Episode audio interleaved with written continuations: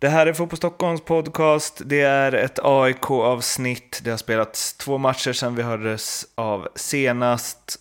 Och vi ska prata lite ditten och datten om dem. Men först så ska vi prata om Unisport som är vår eh, sponsor till den här podden. Det är eh, Sveriges största fotbollsbutik på nätet och just nu så har de eh, massa fina grejer, men bland annat så kan man surfa in på unisport.fotbollstockholm.se och där kan man designa ett eh, matchställ. Eh, välja färg på tröja, shorts, strumpor och om man vill ha Adidas, Puma, Nike eller Joma som direkt tillverkare.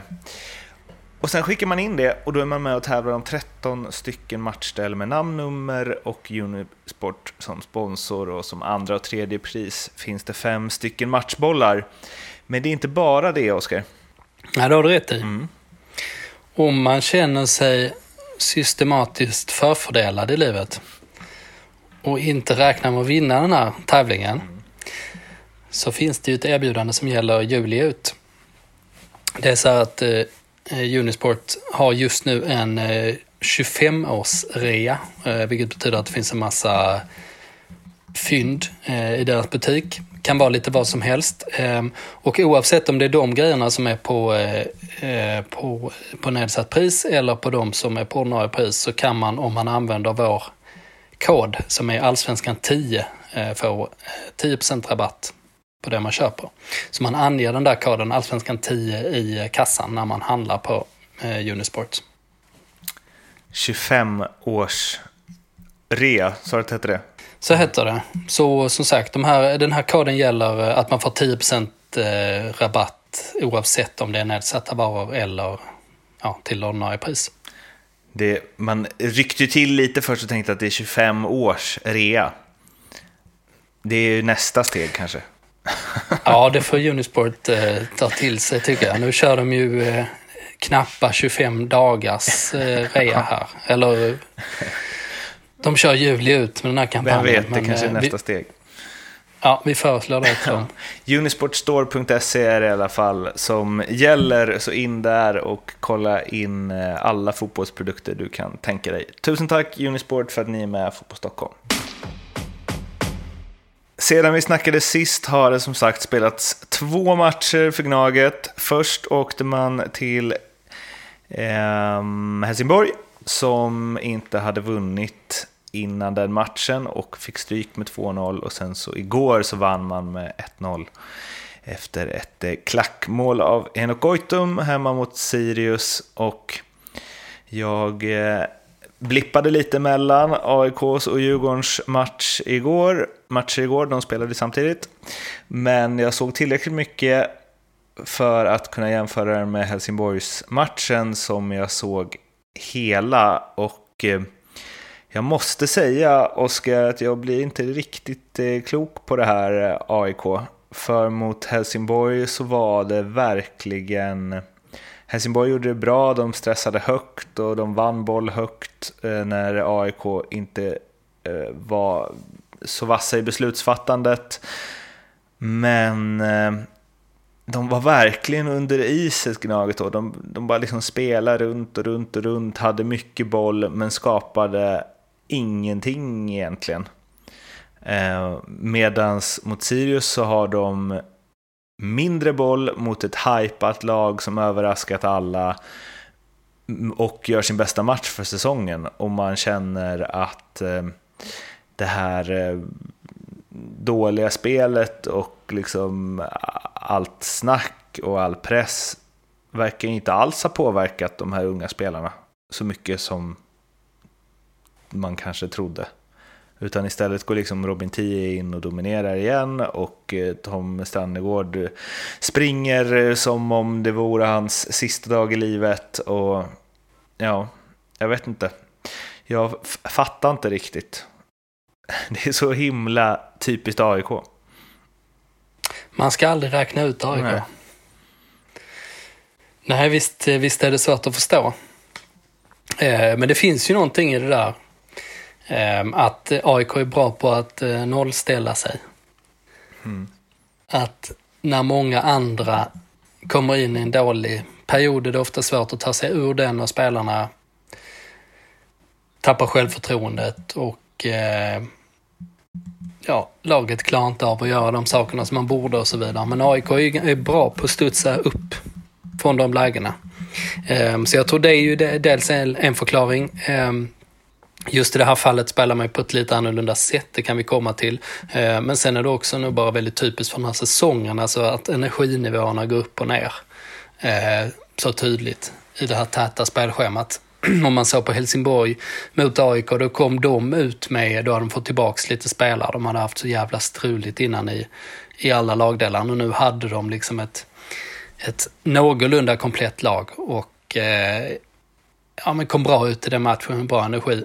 Och eh, körde över AIK. Nästa omgång som Helsingborg spelade mötte de Blåvitt borta tog visserligen en poäng, en, helt, eh, en högst oförtjänt eh, poäng till 1-1 där. Det var en match de borde förlora med 4-0.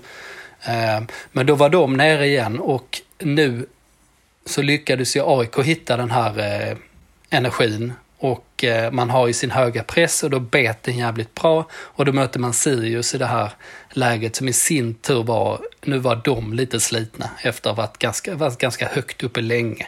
Eh, och nu provar de dessutom att, att vila eh, vissa ordinarie spelare, alltså en sån som Vecchia som är deras bästa spelare hittills. Eh, ja, han, han satt ju på bänken i första halvlek. Eh, så vilken energi man kommer in till matcherna eh, tror jag är så jäkla avgörande. Ehm, dels på grund av spelschemat men också att många lag spelar med den här eh, pressen.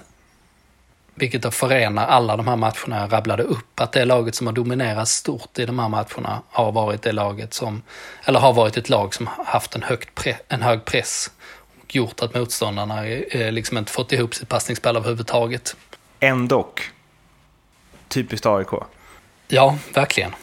Det, det är klart det är vet det. Du, vet du vad eh. det känns Det känns som att om de hade mött uh nu försöker jag snabbt komma på eh, något lag som inte har gått bra. Men så här, Falkenberg mötte de ju omgången innan. Men liksom, hade de mött ett lag där som inte hade varit... Om Sirius hade varit så bra som alla, eller så dåliga som alla trodde att Sirius skulle vara inför säsongen, då känns det inte som att de hade gjort en så bra match och vunnit. Nej, det är sant. Lite, lite samma läge där som eh, inför derbyt när man var så nederlagstippade. Och i viss mån eh, när man mötte eh, Malmö också. Att den seriematch mot Malmö var ju den, en, eh, en av få bra insatser. Hittills så. Men den matchen vi såg mot Sirius i vart fall. 1-0 och det var ju som du sa, det var ju bara en jävligt gedigen insats. Alltså det var långt ifrån någon fantastisk fotbollsmatch och eh, lagen klarar inte av att hålla bollen eh, hos sig i särskilt långa perioder. Men i den här energimatchen där AIK spelade, pressade högt och spelade betydligt rakare när man själv hade bollen. Man hade ju lite annorlunda formation, det var väl närmast eh, ja, formationsmässigt var det ju nästan det gamla AIK. Eh, man bara skulle placera ut dem på en, eh, på en whiteboard. Men eh, nej, men det var ju framförallt eh, att man satte Sirius under sånt, under sånt tryck hela tiden. Och Sirius, det som har kännetecknat dem har ju varit att de är laget som spelar mest likt AIK kan man nästan säga. Men det som har kännetecknat dem har ju dels varit pressen men också det att man hanterar att motståndarna går högt på dem och att man är passningsskickliga. Men den här gången så fick man ju problem nästan hela tiden. Och eh, framstående i AIK, dels så måste man ju fortsätta imponeras av eh, Robin Tihi och mm, det är något, eh, vi kommer till det, lite siffror och statistik från 12 där, hur, vilka AIK som har gjort det bäst och han är ju högt upp på den listan. Men det, han är ju väldigt bra samtidigt som han har ju varit en spelare som... Det känns som att han har varit inblandad i...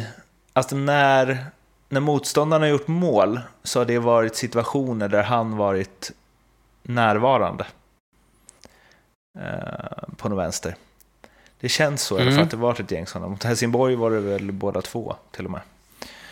Precis, det stämmer ju. Och ändå vill jag liksom inte hänga honom för, för särskilt många baklängesmål. Nej, det är ehm. ganska speciellt ju. ja, det är det. Um, nej, väldigt imponerad av honom just i den här matchen. Um, ja, vi kommer lite mer till eh, spelarprestationer över tid, som du sa. Men uh, jag tyckte att han, han hade det jävligt kämpigt mot Helsingborg. Där han hade en uh, tung anfallare mot sig i van der Hurk som i den matchen var jävligt bra. Precis som att han hade det kämpigt mot Norrköping och Totte Nyman. Det är lite samma. Ja, precis. Alltså, en Väl, väldigt likt det får man säga. Och det är ju inte svårare än att det är junior mot senior grejen där. Men, eh, så där har ni fortsatt problem. Men i övrigt så är han ju... Eh, ja, i övrigt är det inte så mycket att anmärka på. Mm. Framförallt, eh, framförallt är det här att det här liksom eh, halvkaosiga försvarsspelet som det kan se ut ibland, att han löser eh, så jävla många situationer där. Ställs inför, lite, inför små knepiga beslut hela tiden och han kommer ofta ur duellerna vinnande eller löser det med, med bollen. Han är kanske ingen sån där jättebra, alltså det är ingen fantastisk bollspelare. Han har fått mycket cred för det. Ehm, och det var mycket därför man kan plocka in honom. Men jag ser inte att det är liksom, det är ju inte någon som har så här supermjuka fötter liksom som lika gärna skulle kunna gå upp på eh, innermittfältet och, och ta en position där. Nu, nu har han väl spelat i och för sig en del som defensiv mittfältare tidigare, men på den här nivån så skulle han inte fixa det. Utan det är mer att, eh, ja men han är helt okej okay i, i de delarna i spelet redan nu, men det är just det här med defensiva spelförståelsen som sticker ut. Sen har vi mm, Rashidi som ju varit eh, Ja, djupt ner bland fiskpinnarna. Och nu eh, kommer han in och är eh, bäst på plan. Eh, ligger ju också mm. bakom målet. Nordling tillstod ju att han varit långt in i kylskåpet i vart fall. Mm, okay. mm. Så eh, halv, halvvägs är man väl där till frysboxen helt enkelt. Mm. Eh, Nej, jättebra insats av eh, Rashidi. Och det är ju lite märkligt att han varit där han varit, att, att de inte använt sig av honom. Ehm, det är bara, det är bara svårt att förstå, alltså för att Rashidi kan ju spela, som i det här fallet, som eh, ytteranfallare eh, på båda kanterna. Han kan spela wingback på båda kanterna. Han skulle ju kunna bara spela vanlig yttermittfältare också. Um, och det hade förmodligen ja, centralt är det kanske svårt att använda honom på över tid, men det skulle ju liksom gå att slänga in honom tillfälligt där också. Så jag tänker bara att det där är ju en användbar spelare rent allmänt. Alltså det är bara konstigt att, eh, att förstå varför han varit så långt ner i hierarkin. Jag har liksom egentligen inte riktigt förstått det alls. Men det hände ju någonting efter att han gjorde en smått sensationell första del i AIK där 2018. Han började ju med att skicka in en boll i krysset när de avgjorde borta mot Sundsvall. Vilket liksom i slutändan blev liksom, eh, ja, ett avgörande mål till och med. Um, och sen var ju 2019 sämre. Klart sämre och, längre och längre ner i hierarkin. Och, och så har den trenden fortsatt. Så det är bara, bara lite svårt att förstå varför man inte... Man, man tycker att det är en mångsidig spelare som eh, ja, det pendlar en hel del, men eh, han, har, han har höga toppar och han är en... Eh, kommer in med mycket energi. Strulet när han spelade mot Helsingborg var ju att eh, eh alltså man vill att han ska bidra med liksom djupledsspel till exempel. Och, och då var det ju att då, liksom, de passningarna kom ju aldrig. De strulade ju bort det innan det var dags att här, nyttja hans egenskaper. Och då ser ju han också svag ut. Att inget händer liksom.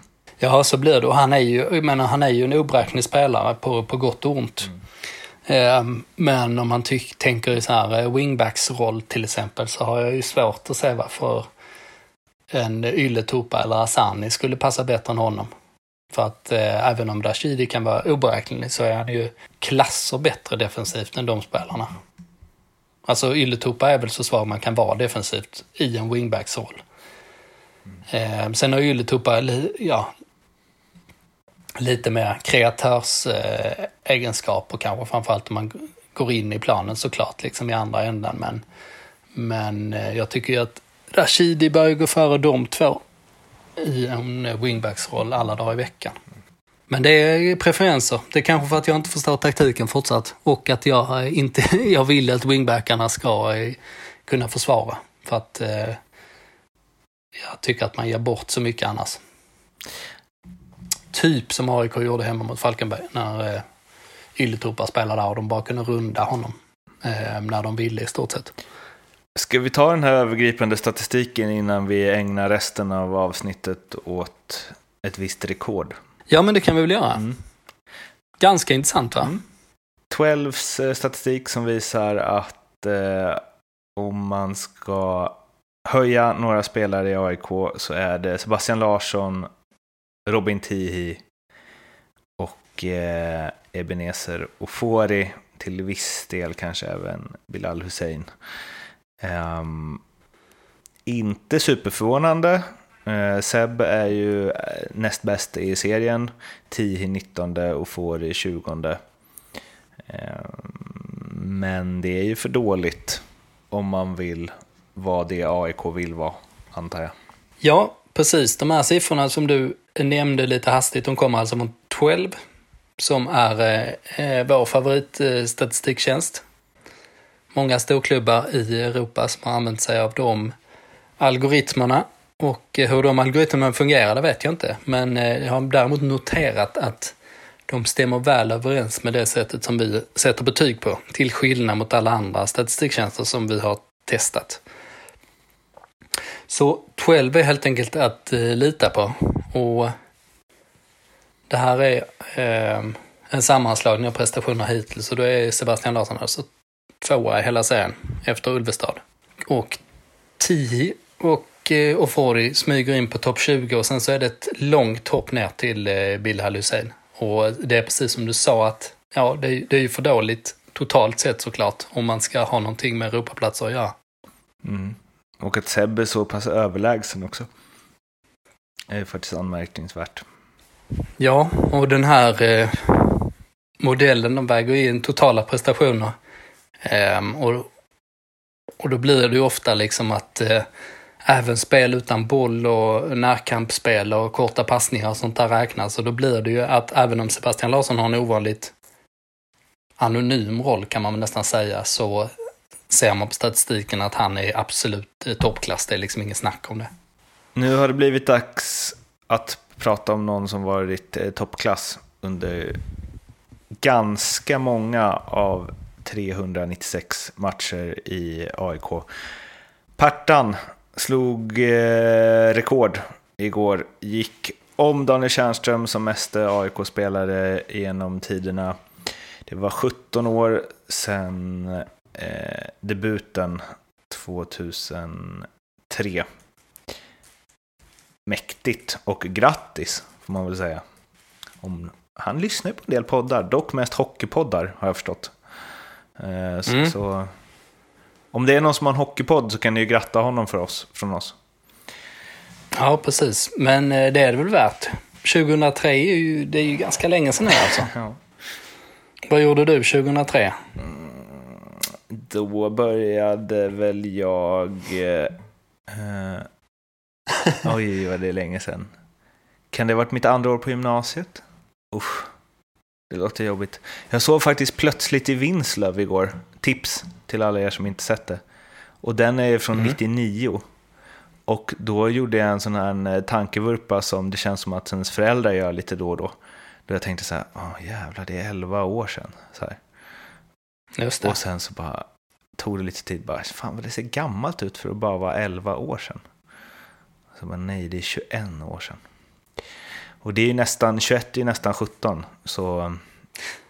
Ja, precis. Det är inte sju år sedan han... Eh, sen Per Jonas Karlsson debuterade i AIK-tröjan. Mm.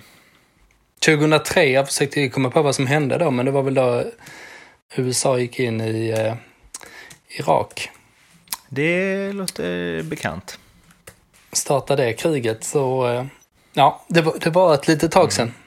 Och sen dess, Du har väl, eh, eh, om vi ska vandra, om vi, om vi ska, om vi ska liksom göra någon slags Per Karlsson-resumé här nu då, i, i snabbformat. ja, Så du har väl ganska tidiga minnen av honom? väldigt tidiga. Jag eh, är ju samma årskull som honom, 86, och han var ju liksom man höll ju alltid utkik där när man var liksom 14-15, vilka som var med i pojklandslaget och så. Och han var ju alltid med. Jag tror han spelade alla pojklandskamper. Och eh, jag försökte så här, komma ihåg vilka som mer var med i det här landslaget. Och de som poppar upp då är ju Tony Mar och Oskar Rönningberg. Två Helsingborgs eh, spelare som det inte blev så värst mycket av.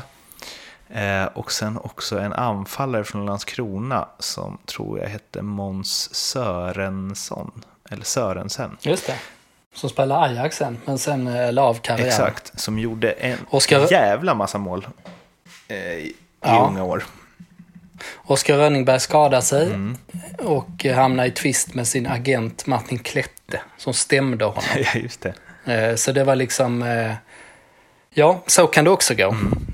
Eh, men de som blev bäst från den här årskullen var väl sådana som kom in lite senare. Alltså Labinot Arbuzzi förstås.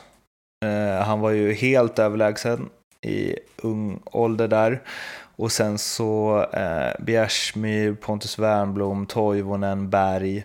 Eh, men de kom liksom in senare om jag inte är snett på det. Utan liksom Pertan var från, han måste varit från första matchen. Och sen bara Mm. alltid. Eh, Det är väl ganska eh, typiskt på något sätt. ja, verkligen. eh, och jag också, mm, min eh, naprapat spelade i samma lag som honom i eh, AIKs ungdomslag. Och det var ju, ja, han sa det, det var ju ganska rörigt där. Det var ju liksom, eh, ja men eh, Brova Nouri var väl uppe en sväng och det var eh, Mutumba och det var liksom, eh, det var diverse karaktärer. Eh, men att han sa liksom, Pertan har alltid varit så som man tänker att han är. Bara lugn och snäll mot alla och tränar hårdast, är mest noggrann och så vidare. Och så vidare. Eh, och också att han, han har liksom bara, och det visar väl det här med eh, landslaget, han har liksom bara tuffat på. Eh, han, han, har, han har liksom ingen annan, vad ska man säga, det finns inget annat edgy där. Det är bara hans fotbollsspelande, rätt och slätt. Mm. Vilket man ju gillar.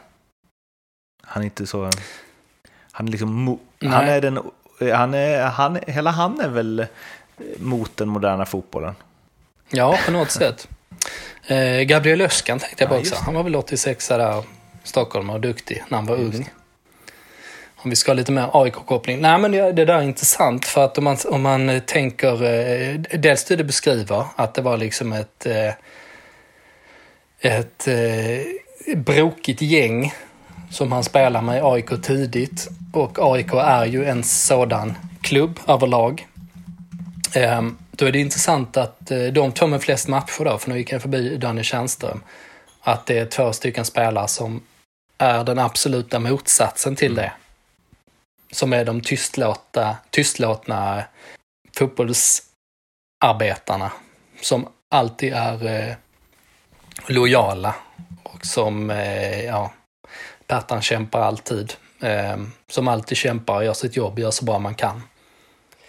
Men eh, det behövs väl kanske lite, ja, det kanske man mår bra av också i AIK. Att man vill ha någonting som, eh, någonting som eh, eh, bryter mot den gängse bilden på något sätt. Man, eh, jag har ju tänkt på det ofta att eh, att Daniel Tjärnström, när han har liksom lyfts fram som eh, Mr AIK och sånt där som han gjorde på, mot slutet av sin karriär, så tänkte jag liksom om man, om man skulle ha någon som speglade AIK, då var egentligen han helt fel, alltså som personlighet.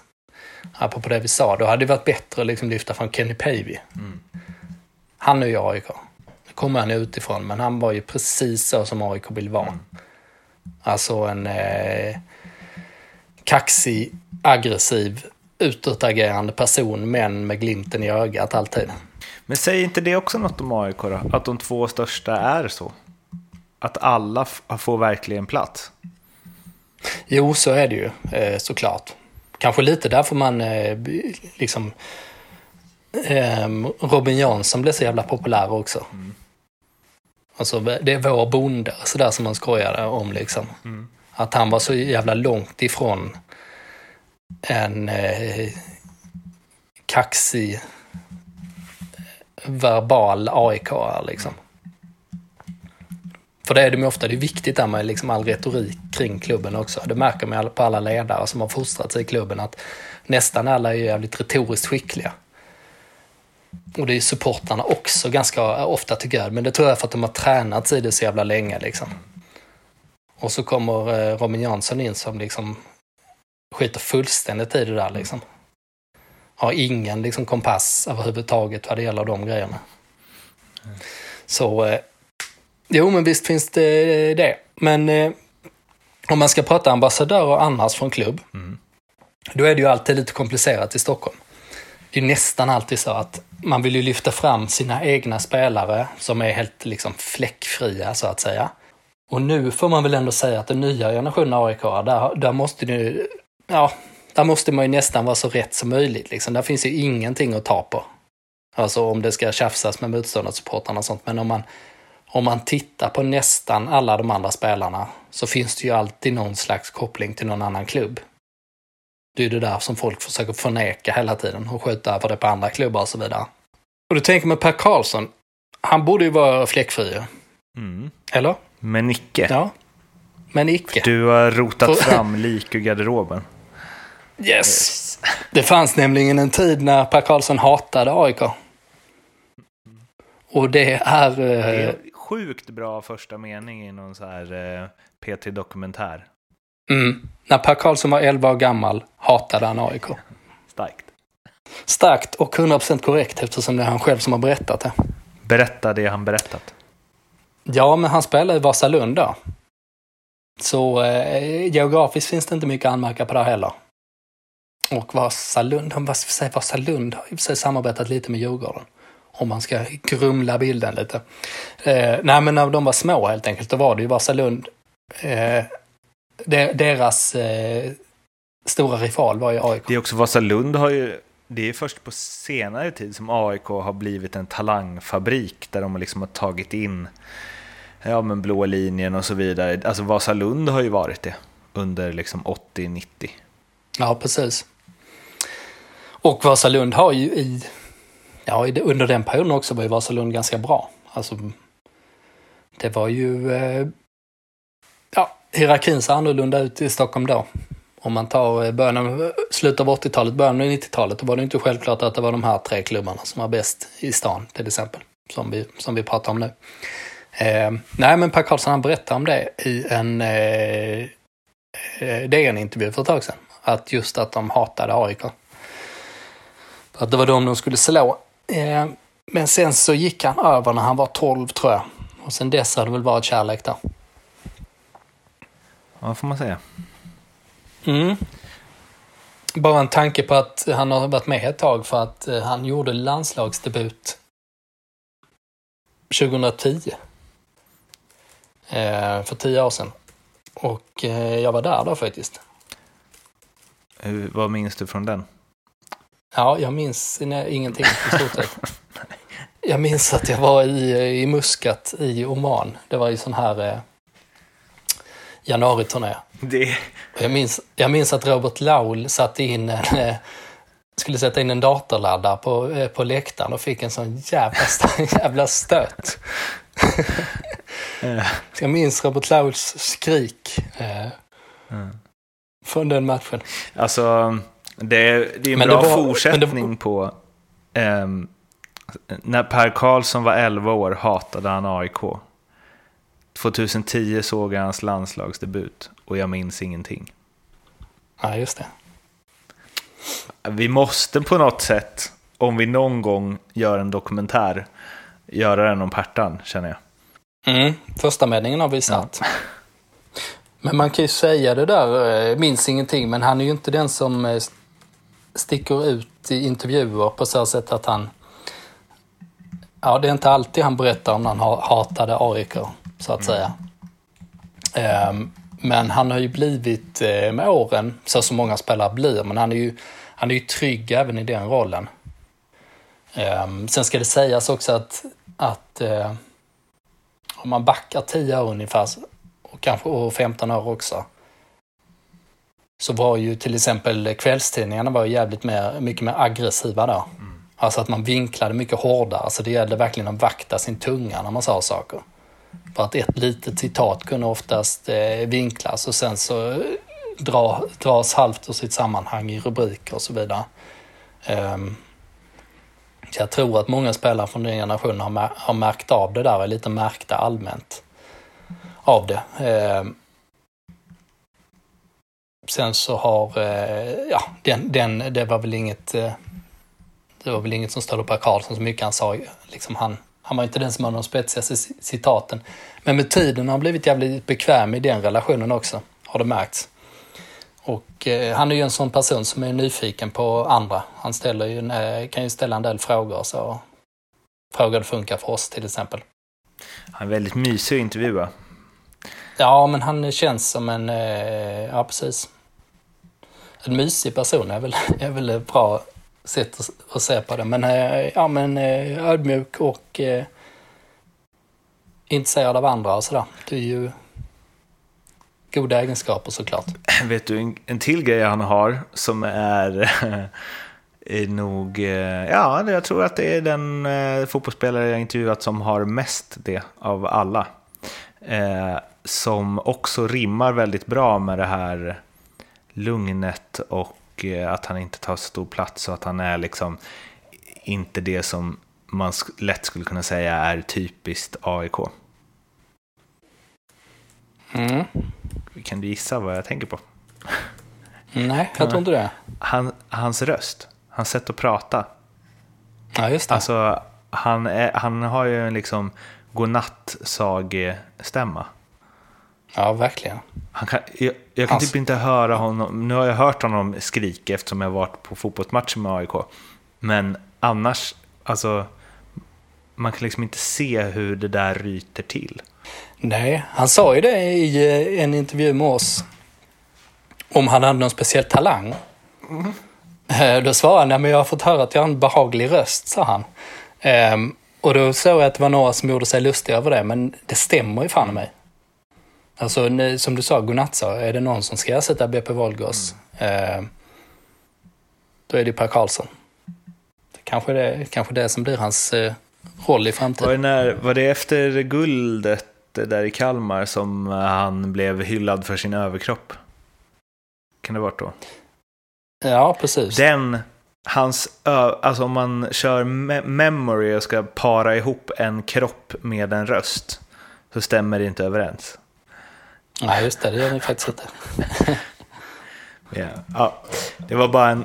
Odjuret, odjuret Per som han kallar sig. ja, exakt.